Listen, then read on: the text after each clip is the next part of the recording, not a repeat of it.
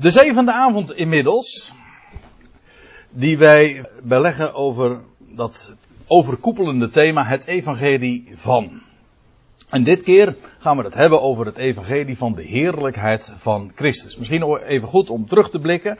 We hebben het een van de eerste avonden gehad over het evangelie van het koninkrijk. Allemaal uitdrukkingen die rechtstreeks zo in de Bijbel worden genoemd. Het evangelie van mij. Dat is ook zo'n uitdrukking die we een drietal keren tegenkomen in het Nieuwe Testament. Waarbij mij slaat op de apostel Paulus. Ook dat was een avond waard om te bespreken. En de avond daarop hebben we het gehad over het evangelie van de voorhuid. En ook het evangelie van de besnijdenis. Beide uitdrukkingen uit Galaten 2. Zeer belangrijk om dat onderscheid ook te zien. En de laatste keer, de vorige keer dus, hebben we het gehad over het evangelie van de genade Gods. Het evangelie van de genade van de God. Handelingen 20 was die tekst, uh, is, is de plaats waar die uitdrukking gevonden wordt. En daar hebben we het uh, uitgebreid een avond over gehad. Allemaal wat mij betreft schitterende onderwerpen. Ja, het gaat allemaal over evangelie, werkelijk een goed bericht. En wat is er allemaal zo goed aan? Als we het hebben over het koninkrijk, over, eh, over dat wat aan, aan Paulus is bekendgemaakt, dat wat aan de natie verteld wordt, dat wat specifiek aan de besnijdenis aan Israël gegeven is, en waar in de genade van God zo rijkelijk straalt. Wel, al die uitdrukkingen bepalen ons bij dat soort thema's. Stuk voor stuk geweldig. En vanavond gaan we het weer over zo'n prachtige uitdrukking hebben. Het evangelie van de heerlijkheid. Ik moet erbij zeggen, de volgende keer gaan we het ook weer hebben over het evangelie van de heerlijkheid. Dus een tweetal avonden over het evangelie van de heerlijkheid. Maar vanavond gaat het over het evangelie van de heerlijkheid van Christus. Dus we gaan ons richten vanavond op 2 Korinthe 4, want dat is de schriftplaats waar die uitdrukking gebezigd wordt.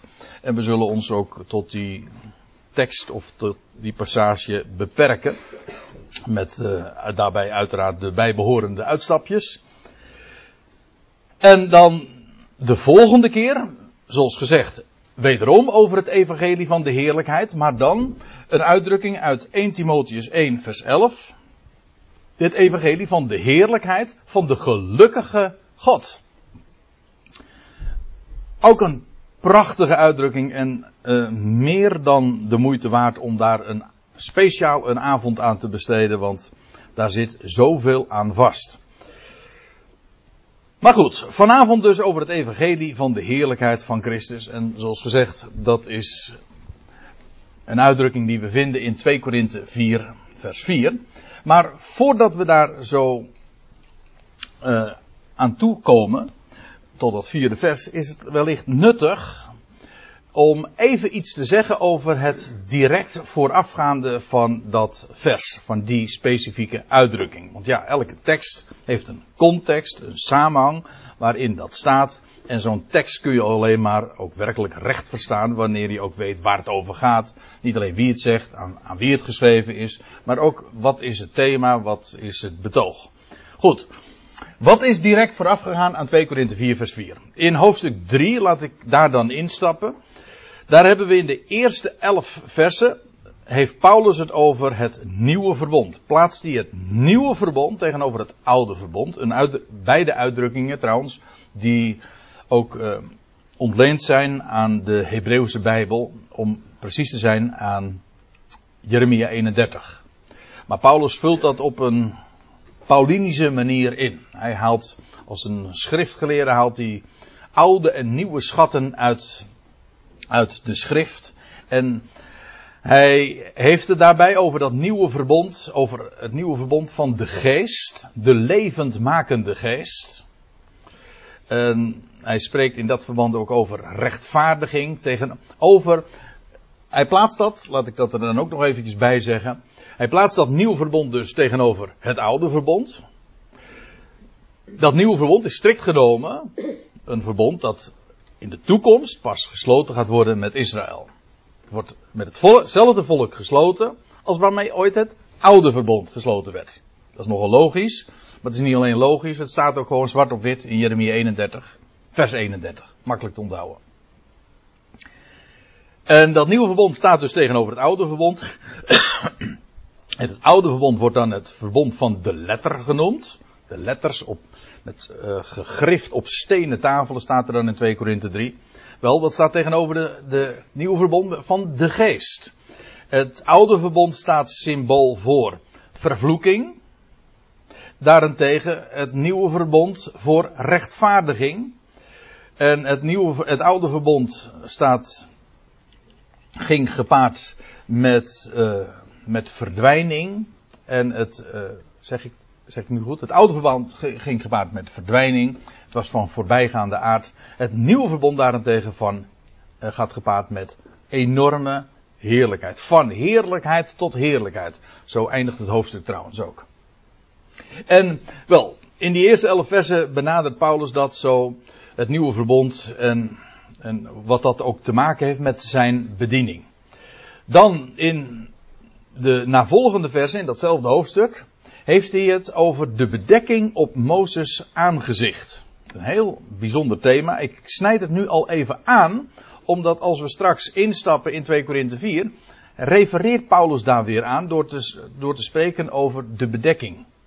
Wel, dat was een term, een sleutelwoord, dat hij juist ook uiteengezet had in hoofdstuk 3.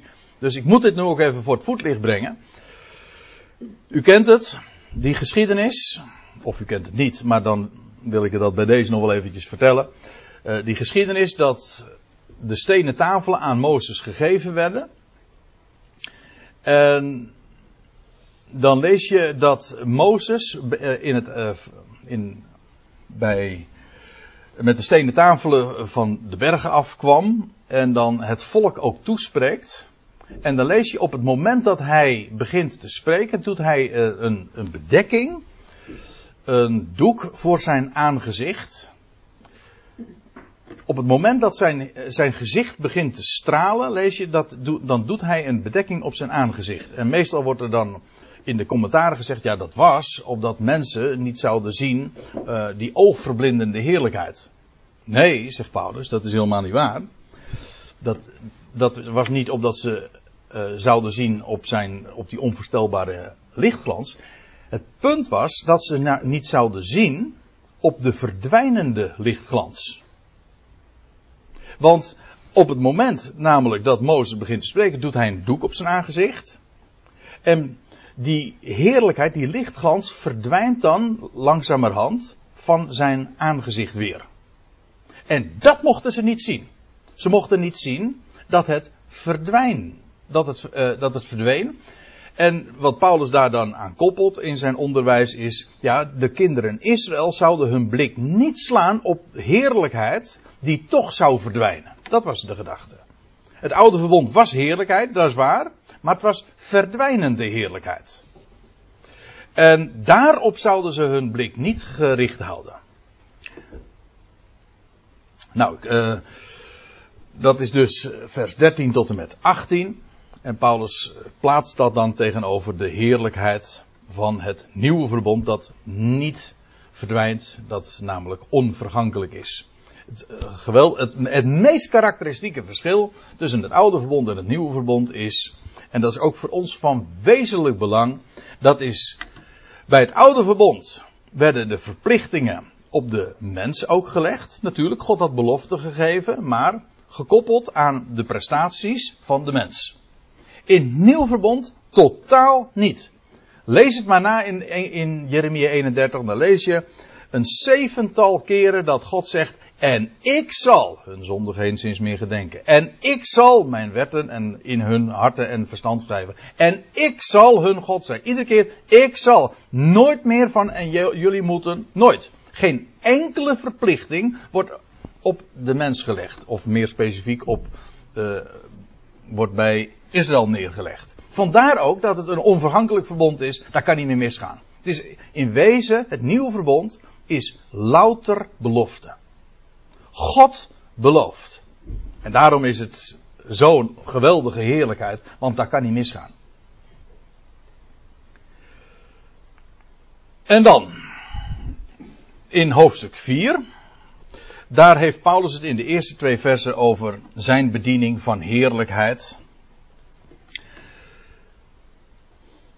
Dat uh, eigenlijk synchroon loopt, of parallel loopt, dat is beter gezegd, met het nieuwe verbond. Namelijk ook onvoorwaardelijk, met rechtvaardiging, geest en heerlijkheid spelen daarin zo'n grote rol. Maar Paulus' bediening van heerlijkheid, en lees het met u één oog ook maar eventjes mee in die eerste twee versen. Ach, waarom zou ik het ook niet even voorlezen? Uit de MBG-vertaling. Dan zegt Paulus, daarom nu wij deze bediening hebben van heerlijkheid, die ons door barmhartigheid is toevertrouwd, verliezen wij de moed niet. Nee, zo'n verbond, uh, zo'n bediening, dat, uh, dat geeft de burger moed. Wij verliezen de moed niet, maar wij hebben verworpen alle schandelijke praktijken uh, die het licht niet kunnen zien. Daar wij niet met, of letterlijk in sluwheid omgaan of het woord van God vervalsen, maar de waarheid aan het licht brengen. En zo bij elk menselijk geweten onze eigen aanbeveling zijn voor het aangezicht of voor het oog van God. Ja, Paulus' bediening van heerlijkheid, dat camoufleert hij niet met schande. En hij zegt ook wat die schande dan is. Dat is met sluwheid omgaan, met trucs. Hè.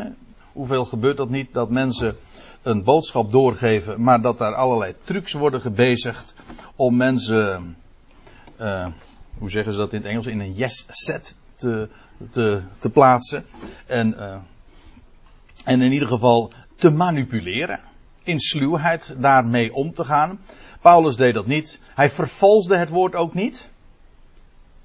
Paulus, ja, hij hanteerde de schriften. Toen nog alleen, uiteraard, de Hebreeuwse Bijbel. Maar hij vervalsde dat woord niet. En dat is trouwens een mooi, dat wil ik er even bij gezegd hebben. Dat woord voor vervalsen hier. Dat, uh, dat heeft uh, de gedachte van, van mixen. In het Grieks. En het idee is dus nou, wij hebben er een uitdrukking voor. Water bij de wijn doen. Dan, dan voeg je er iets aan toe, maar verdun je dus de wijn. Wel, dat is vervalsen. Er iets, er waardeloze elementen aan toevoegen. En dat is dus echt wat uh, het vervalsen is van het woord. Er elementen, je eigen gedachten of de, de traditie of wat dan ook, toevoegen aan dat wat er staat geschreven. Wel, dat is het vervalsen van het woord. Maar Paulus camoufleert geen schande. Nee, wat hij doet, hij openbaart waarheid. Dat is een prachtige tegenstelling. Het ene camouflage, dus het verbergen, staat tegenover het openbaren. En de schande staat tegenover de waarheid. Hij camoufleert niet zulke schandelijke dingen als bijvoorbeeld trucs gebruiken, sluwheid en het vervalsen van het woord.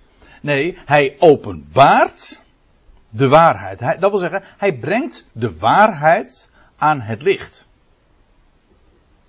En dan, en dan zegt hij, en zo bij elk menselijk geweten onze eigen aanbeveling zijn. Dat wil zeggen, ieder die eerlijk is, ieder gewoon die zijn eigen geweten laat spreken, die weet dat het waar is wat ik zeg. En wat ik naar voren breng.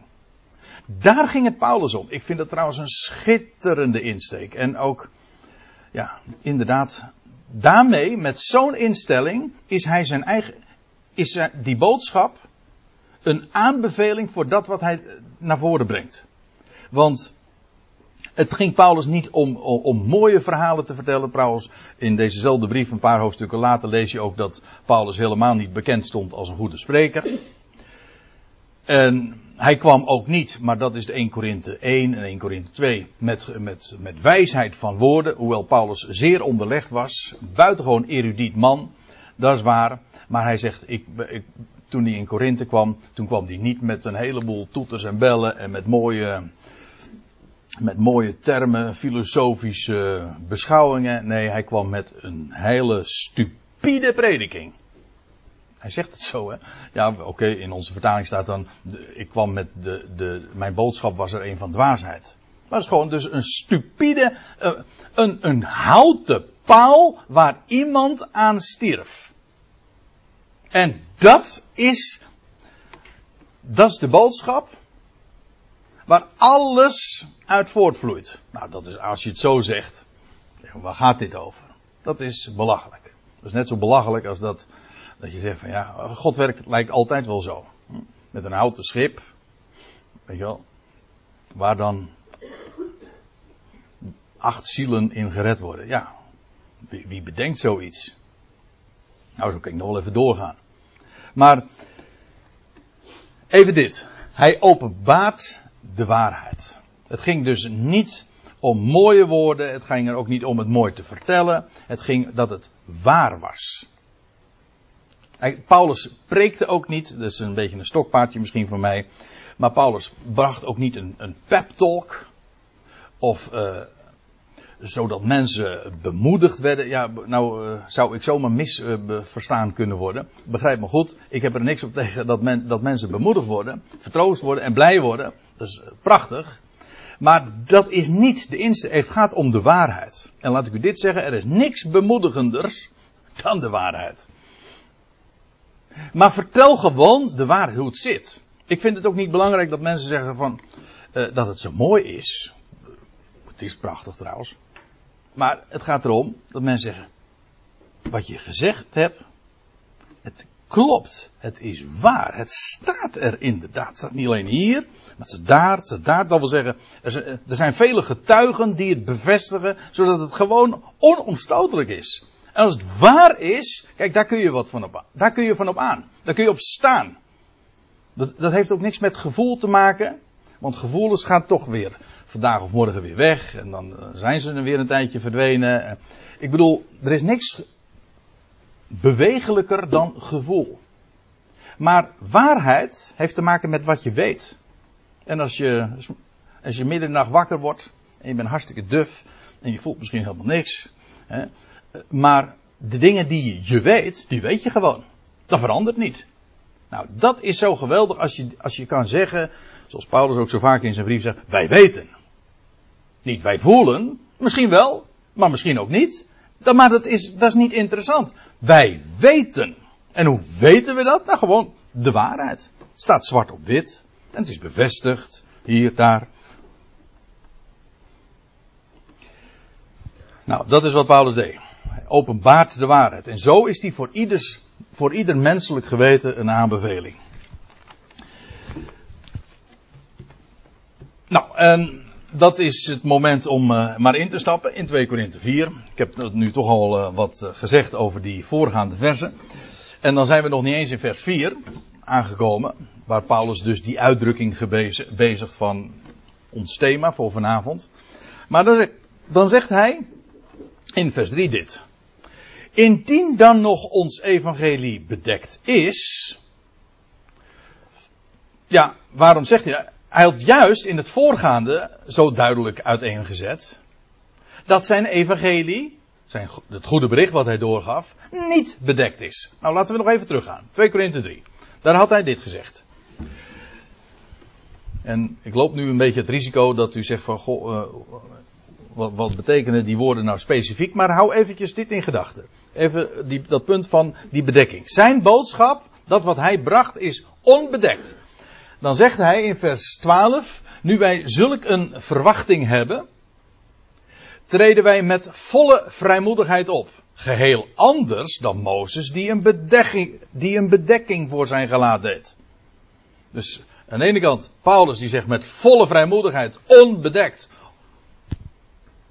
uh, dat naar voren brengt wat hij te melden heeft. Mozes die een bedekking voor zijn gelaat deed, opdat de kinderen Israëls geen blik zouden slaan op het einde van hetgeen moest verdwijnen. Nou, daar had ik het al even over. Ik uh, ga gauw verder, want ja, anders, blijf ik hier weer plakken. Hè? En dan in, lees ik een paar versen verder, in vers 16.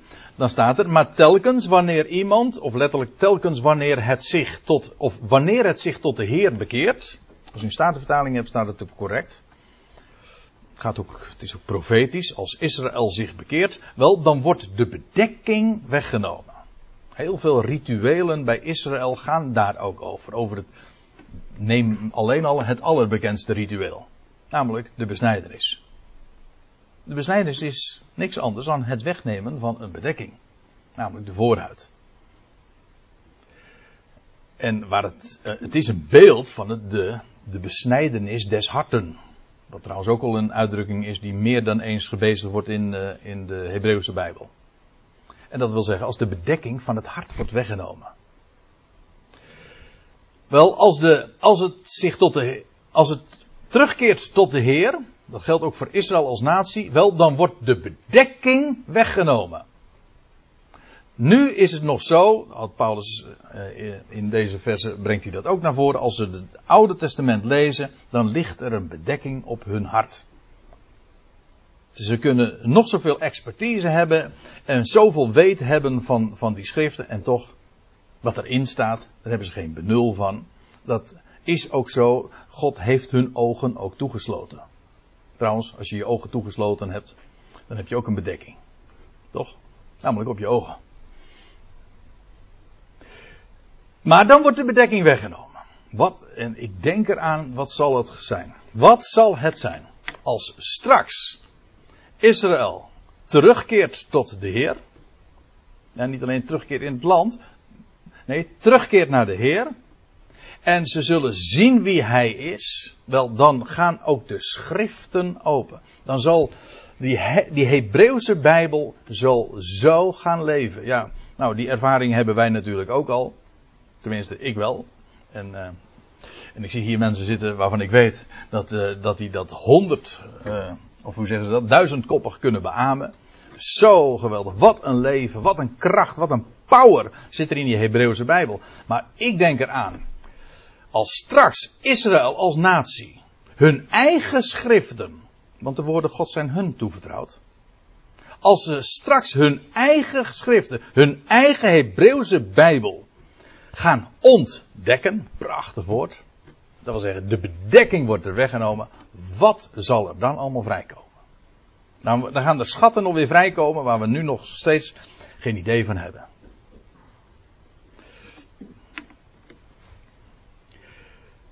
Goed. De bedekking wordt weggenomen. En dan nog één, vers 18. Wij allen, zegt Paulus dan, die met een aangezicht waarop geen bedekking meer is, de heerlijkheid van de Heer weerspiegelen. Dat is ook zo mooi. Als je die heerlijkheid van de Heer ziet, de heerlijkheid, dat wil zeggen die lichtglans, wat gebeurt er dan? Dan ga je dat reflecteren. Dat heeft niks te maken met dat je dingen moet gaan doen in de zin van een prestatie. Reflectie is geen prestatie. Dat is gewoon een kwestie van gericht zijn op. Zie je die heerlijkheid, dan zul je die heerlijkheid weer, weer spiegelen. Er is geen mis op. Dat is geen, kwestie van motten. Het kan niet anders. Zo werkt dat. En dat is ook trouwens een van de geweldige heerlijkheden van het nieuwe verbond. En zal de ogen gericht hebben op de Heer. En nou, met als gevolg dat dat volle licht ook weerspiegeld wordt maar ook dan weer geen bedekking. Dus, nou gaan we weer even terug naar 2 Korinthe 4 vers 3. Indien dan nog ons evangelie bedekt is, hoezo bedekt? Hè? Evangelie, onze evangelie is niet bedekt. Nee, maar hoe, hoe komt het dan dat niet iedereen het ziet? Want dat is dan de volgende vraag. Als het niet bedekt is, als het zo duidelijk uh, uitgesproken wordt, als het uh, zo klip en klaar verteld wordt, hoe kan het dan dat slechts enkelingen, laten we wel wezen, het eventjes beschouwen, zoals de, de, welke reacties roept het op? Slechts, het zijn slechts enkelingen die het zien. Hoe komt dat dan? Nou, dan is dat toch op een of andere manier omdat het evangelie bedekt is. Nou ja, niet het evangelie is bedekt, maar hun ogen zijn bedekt. En laten we dat dan maar eens uh, inderdaad lezen, want zo is het inderdaad. Dan is het, zegt Paulus, dan is het bedekt bij hen die verloren gaan. Verloren gaan. Uh, ja, nou geef ik u eventjes uh, de grammaticale kenmerken van, uh, van dat woord. Dat, zeg ik, dat doe ik nu niet om interessant te doen, maar dat, uh, dat, dat doe ik om aan te geven welk, hoe specifiek Paulus dit woord gebruikt. Dit is namelijk een onvoltooide handeling. tegenwoordige tijd. Dat wil zeggen, deze mensen zijn bezig verloren te gaan. En hij zegt dus niet, ze zullen verloren gaan. Nee, ze zijn aan het verloren gaan. Trouwens, uh, ook in de Nederlandse vertaling, want wat ik nu zeg is dus helemaal geen kritiek op de NBG-vertaling. Die geeft het ook in principe perfect aan door te zeggen van het is bedekt bij hen die verloren gaan. Niet die verloren zullen gaan, maar die verloren gaan. Dus bezig zijn verloren te gaan. Ja, nou dat, daar wilde ik het dan vervolgens mee hebben, over hebben, Francis, want uh, dat is een mooie, dat is een mooie springplank. Want uh, in dit woord, uh, dit specifieke Griekse woord, ja, dat wordt op nogal wat verschillende wijzen weergegeven in alleen al de MBG-vertaling, de vertaling die ik zelf altijd uh, gebruik. Maar inderdaad, het is omkomen. Dus de meest primaire betekenis van dat woord. Bijvoorbeeld, als ik me niet vergis, dat schip waar Paulus op voer, toen in Handelingen 27 op weg naar Rome. Dat, uh, dat schip kwam om, ging verloren. Zoals wij trouwens ook dat woord verloren gaan gebruiken. Het, het komt om. En ja, het wordt ook uh, het wordt met vergaan. Dat, een schip kan ook vergaan. Of verliezen. Dit woord, dat is ook wel een mooie. Het is, het is, begrip is breed genoeg om al deze woorden dus te omvatten. Maar als ik het heb over verliezen, denk ik vooral aan die gelijkenissen uit, uh, die bekende gelijkenissen uit Lucas 15. U weet wel, van de verloren schaap, de verloren penning, de verloren zoon. Dan wordt allemaal ditzelfde woord gebruikt, ditzelfde Griekse woord. daar wil ik nog, nog even één ding aan vastknopen. En die vind ik erg mooi. Omdat het daarbij niet gaat om dat het zo erg is voor het verlorene. Nee, het gaat erom dat de eigenaar iets kwijt is. De, de herder, die had honderd schapen, en één schaap is die kwijt. Voor wie was dat erg? Dan kun je zeggen van ja, dat was erg voor dat schaapje. Nou, dat, is wel, dat kan wel zo zijn. Maar het idee is, het is verloren. Dat wil zeggen, de herder is zijn schaapje kwijt. Dat is het idee. Hetzelfde verhaal met, die, met dat penninkje. Nou, dan wordt, dan wordt het eh, verhaal nog simpeler. Is dat zo erg voor het penninkje? Nee, die, dat penninkje heeft helemaal. ik bedoel, die denkt helemaal niks. Die voelt helemaal niks. Nee, en toch is het verloren. Waarom? Wel, die vrouw die had in bezit en dat is ze kwijt.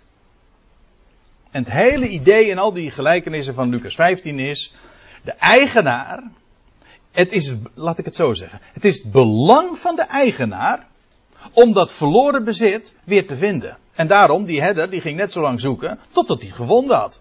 Het was zijn bezit dat hij kwijt was en dus zocht hij het net zolang dat hij het vond. En dus wie's feestje was het toen hij het gevonden had? Ja, zijn feestje dus. Als ik het even zo uh, uh, mag zeggen. Maar daar komt het toch wel op neer. Het is zijn, het was de eer van die herder om dat schaapje te zoeken en te vinden. Er was ooit een, uh, een predikant die in de EO-visie, ja, ik kan het niet nalaten om het even te vertellen. In de EO-visie, dus al jaren geleden, die schreef toen een artikel over Lucas 15, vers 4. Waar ik het nu dus ook over heb. En dat was wel mooi, want hij troostte toen ouders, uh, die, ja, van, waarvan de kinderen een heel andere weg in, uh, inslaan en het, het kerkenpad verlaten, laat ik het dan maar eventjes zo zeggen.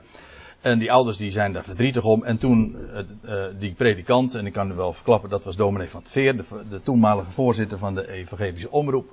En die schreef een, een, een, een meditatie naar aanleiding van Lucas 15 vers 4. En daar, en daar stond erboven, en hij zocht het schaapje. Uh, en de, de herder zocht het schaapje.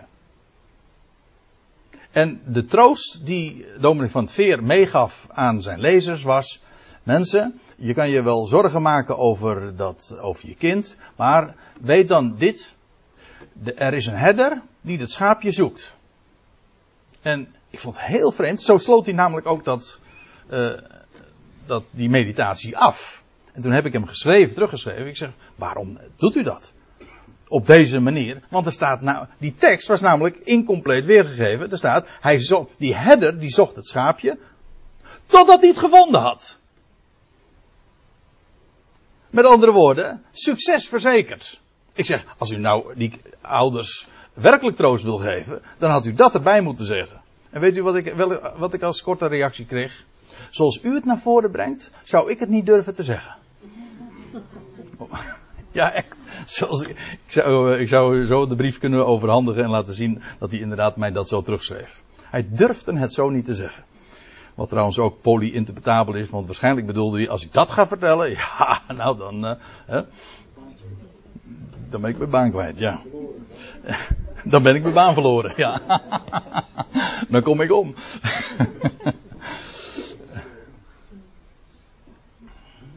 Ja, maar dat is, dat is toch juist, dat is troost.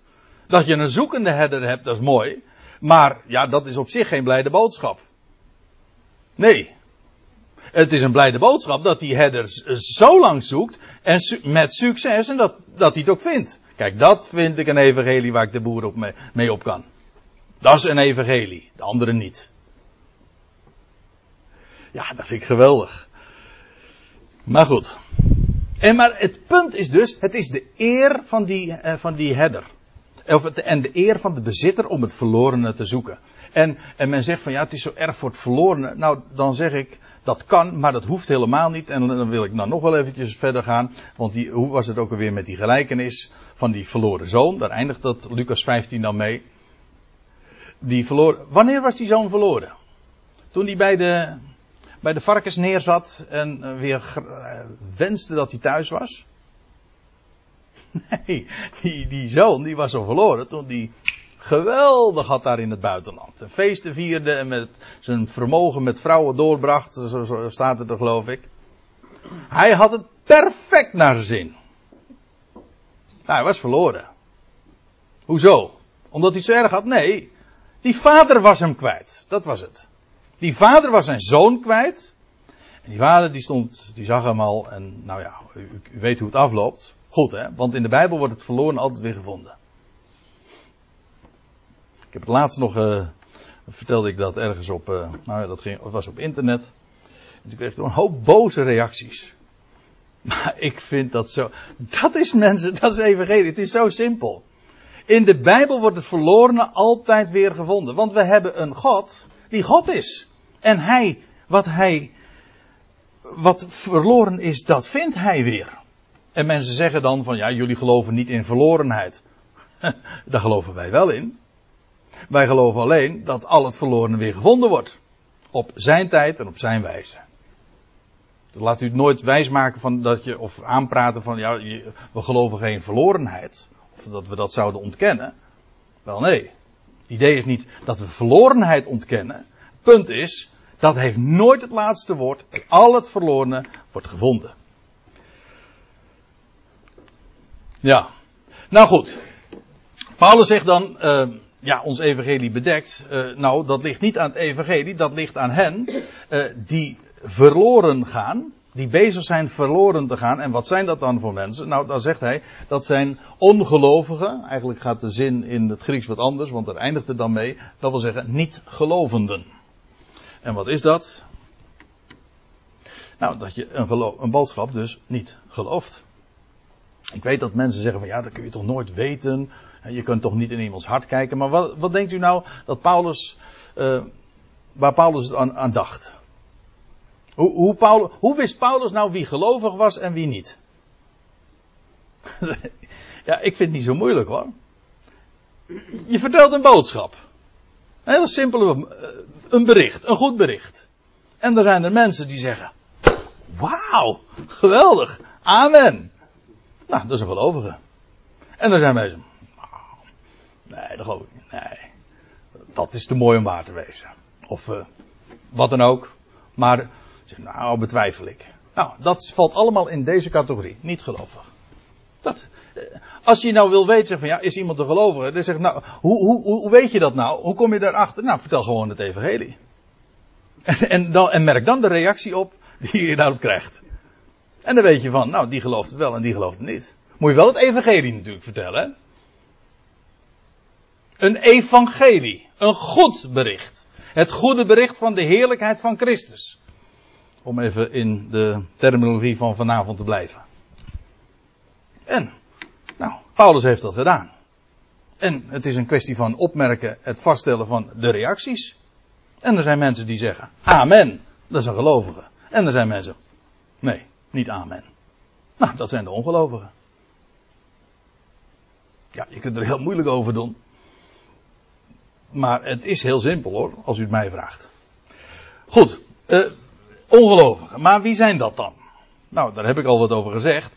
Maar hij duidt dat nog wat nader aan, want wat gebeurt er met zulke mensen? Wat is er met hen aan de hand? Wier overleggingen, wier, dat is natuurlijk niet echt modern Nederlands meer, maar we begrijpen het allemaal wel. Van wie?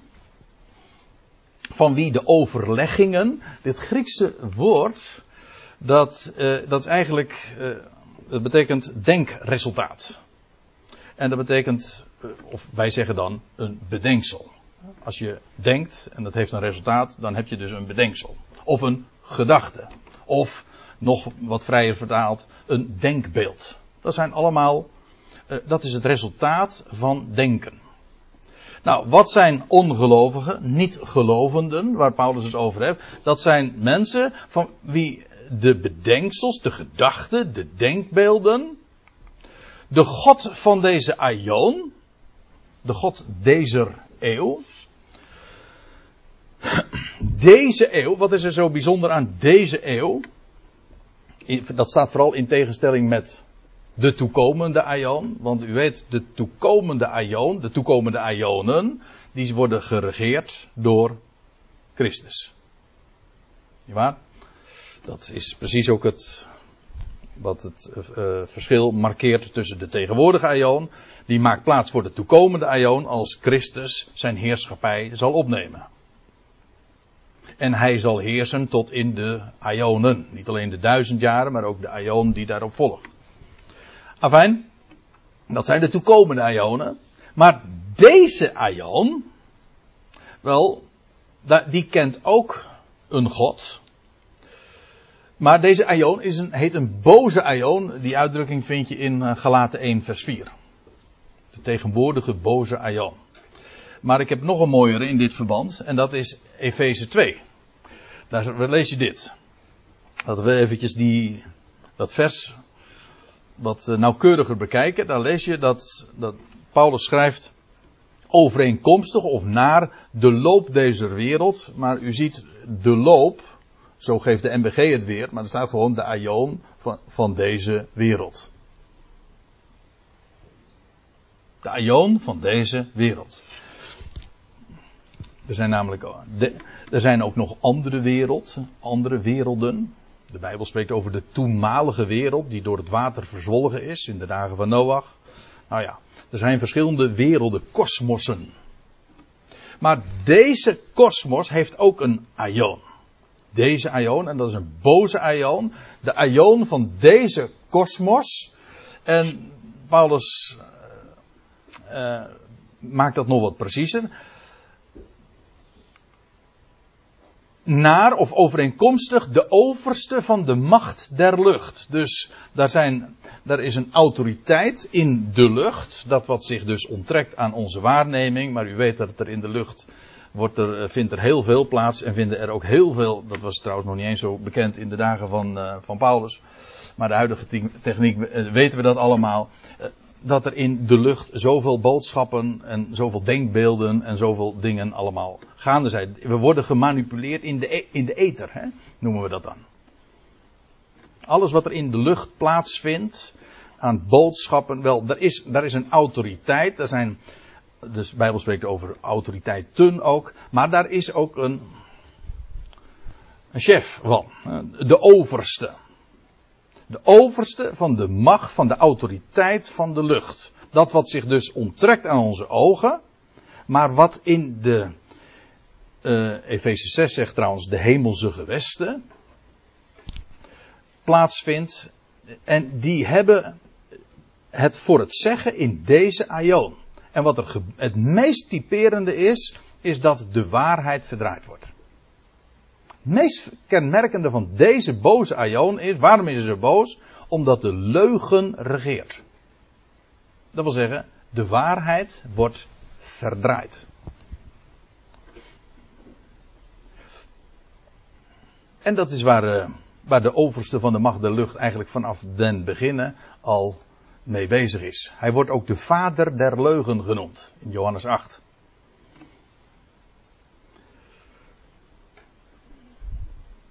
De nachtvorst, om zo te zeggen. Hm? De, in deze wereld heeft hij, uh, manipuleert hij het licht.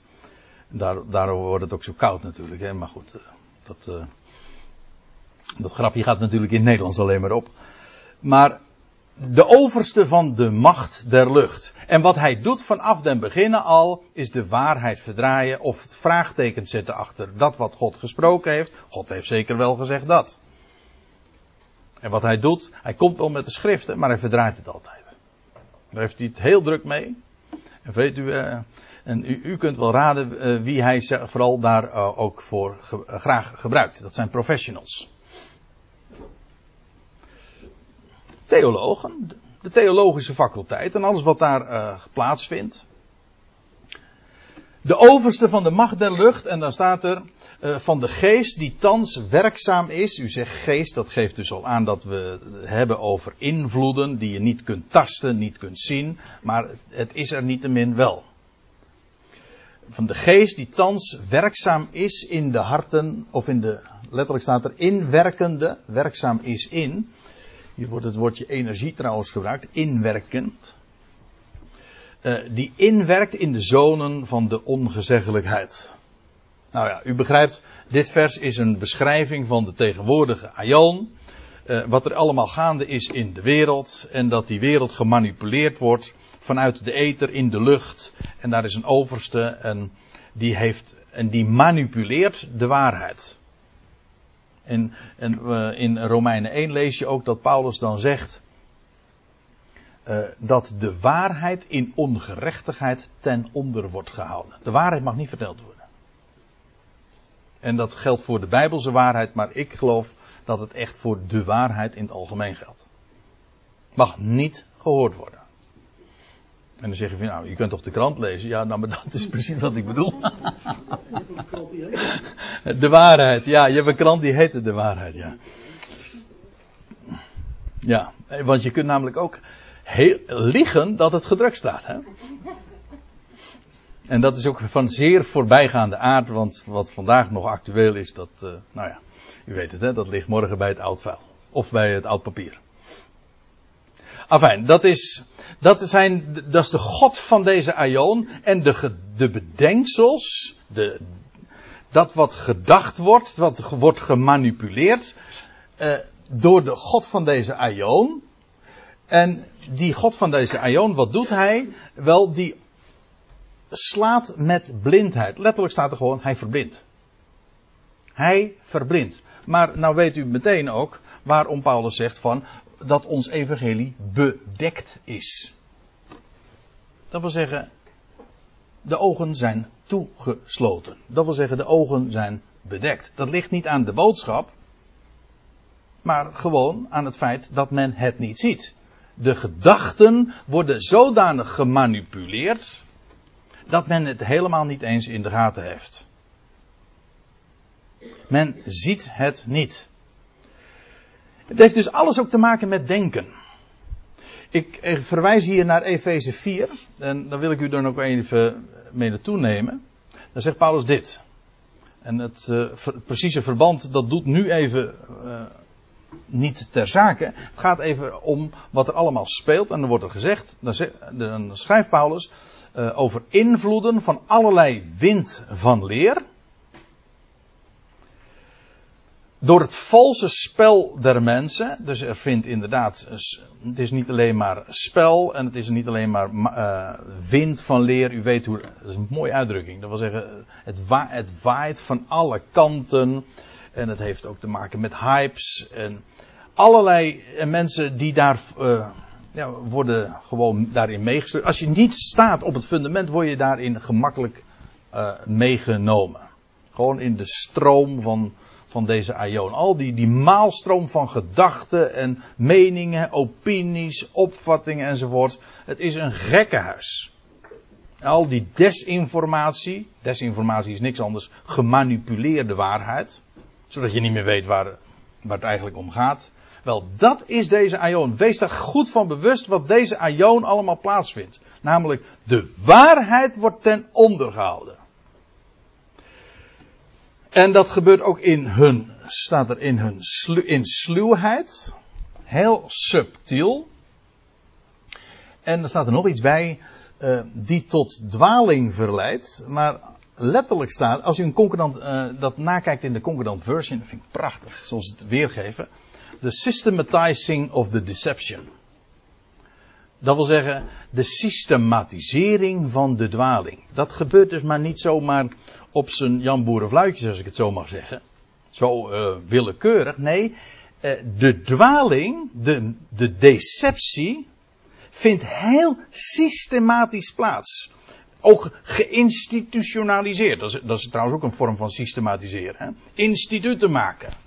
Uh, faculteiten. Mensen die professioneel dat allemaal goed kunnen beheren. Want je kunt ook de theologie kan gesystematiseerd worden. Dat is een vak ook op theologische faculteiten. Weet je hoe dat heet? Dogmatiek. Dat is de systematisering van de geloofsleer. Of ongeloofsleer, maar goed. Hm? Dat is de systematisering van de dwaling. Dat wil zeggen, want ja, kijk, intelligente mensen, dat wil ik er eigenlijk ook mee zeggen. Hier, dit is geen kwestie van intelligentie. Integendeel. De God van deze Aion is buitengewoon uh, sluw, maar ook in de zin ook van intelligent. Daar zit een meesterbrein van misleiding achter. Zodat mensen op het verkeerde spoor gezet worden. De systematisering van de dwaling. En als, als daar intelligentia achter staat. En, en een geweldige betoogtrand, de redeneringen. Dan, dan wordt iedereen wordt zomaar op het verkeerde been gezet en gaat dwalen. Dat wil zeggen, je raakt het spoor bijster. Dat is toch wat dwalen is. Dat is deze aion. En in deze aion is er een God bezig. Een God, met een kleine letter natuurlijk, want hij heeft alleen maar deze aion. Want straks moet hij toch echt plaatsmaken. En in deze aion regeert de leugen en is hij bij machten om de mensen uh, te verblinden. Ja, voor wat? En nou komen we uh, waar we wezen moeten.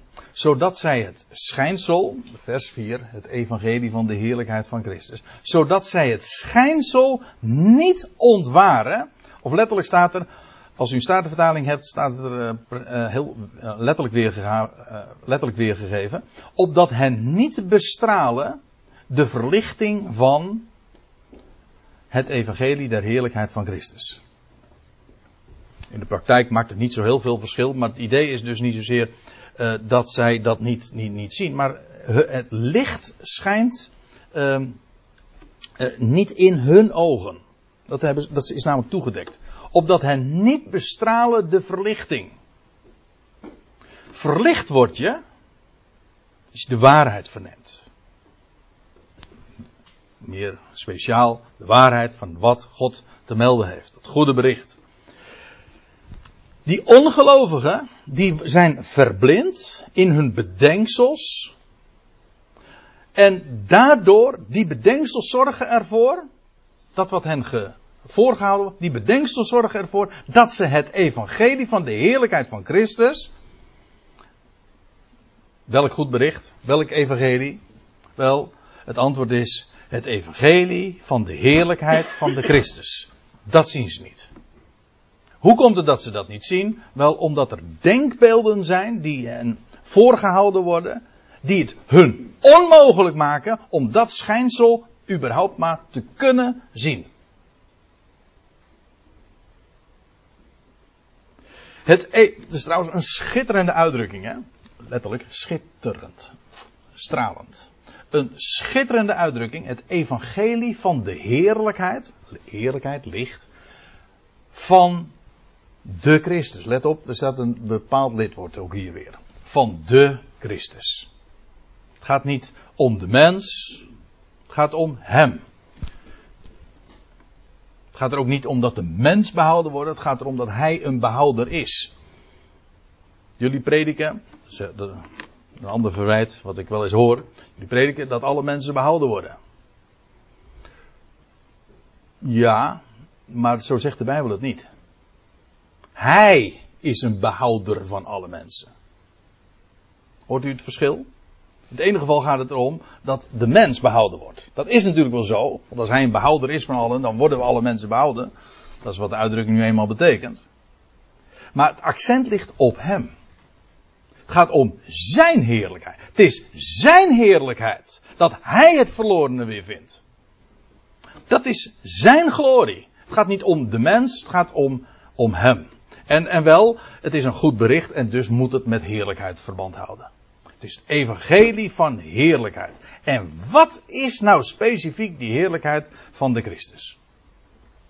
Daar gaan we het straks over hebben. Ik stel voor dat we eerst even een kopje koffie gaan drinken.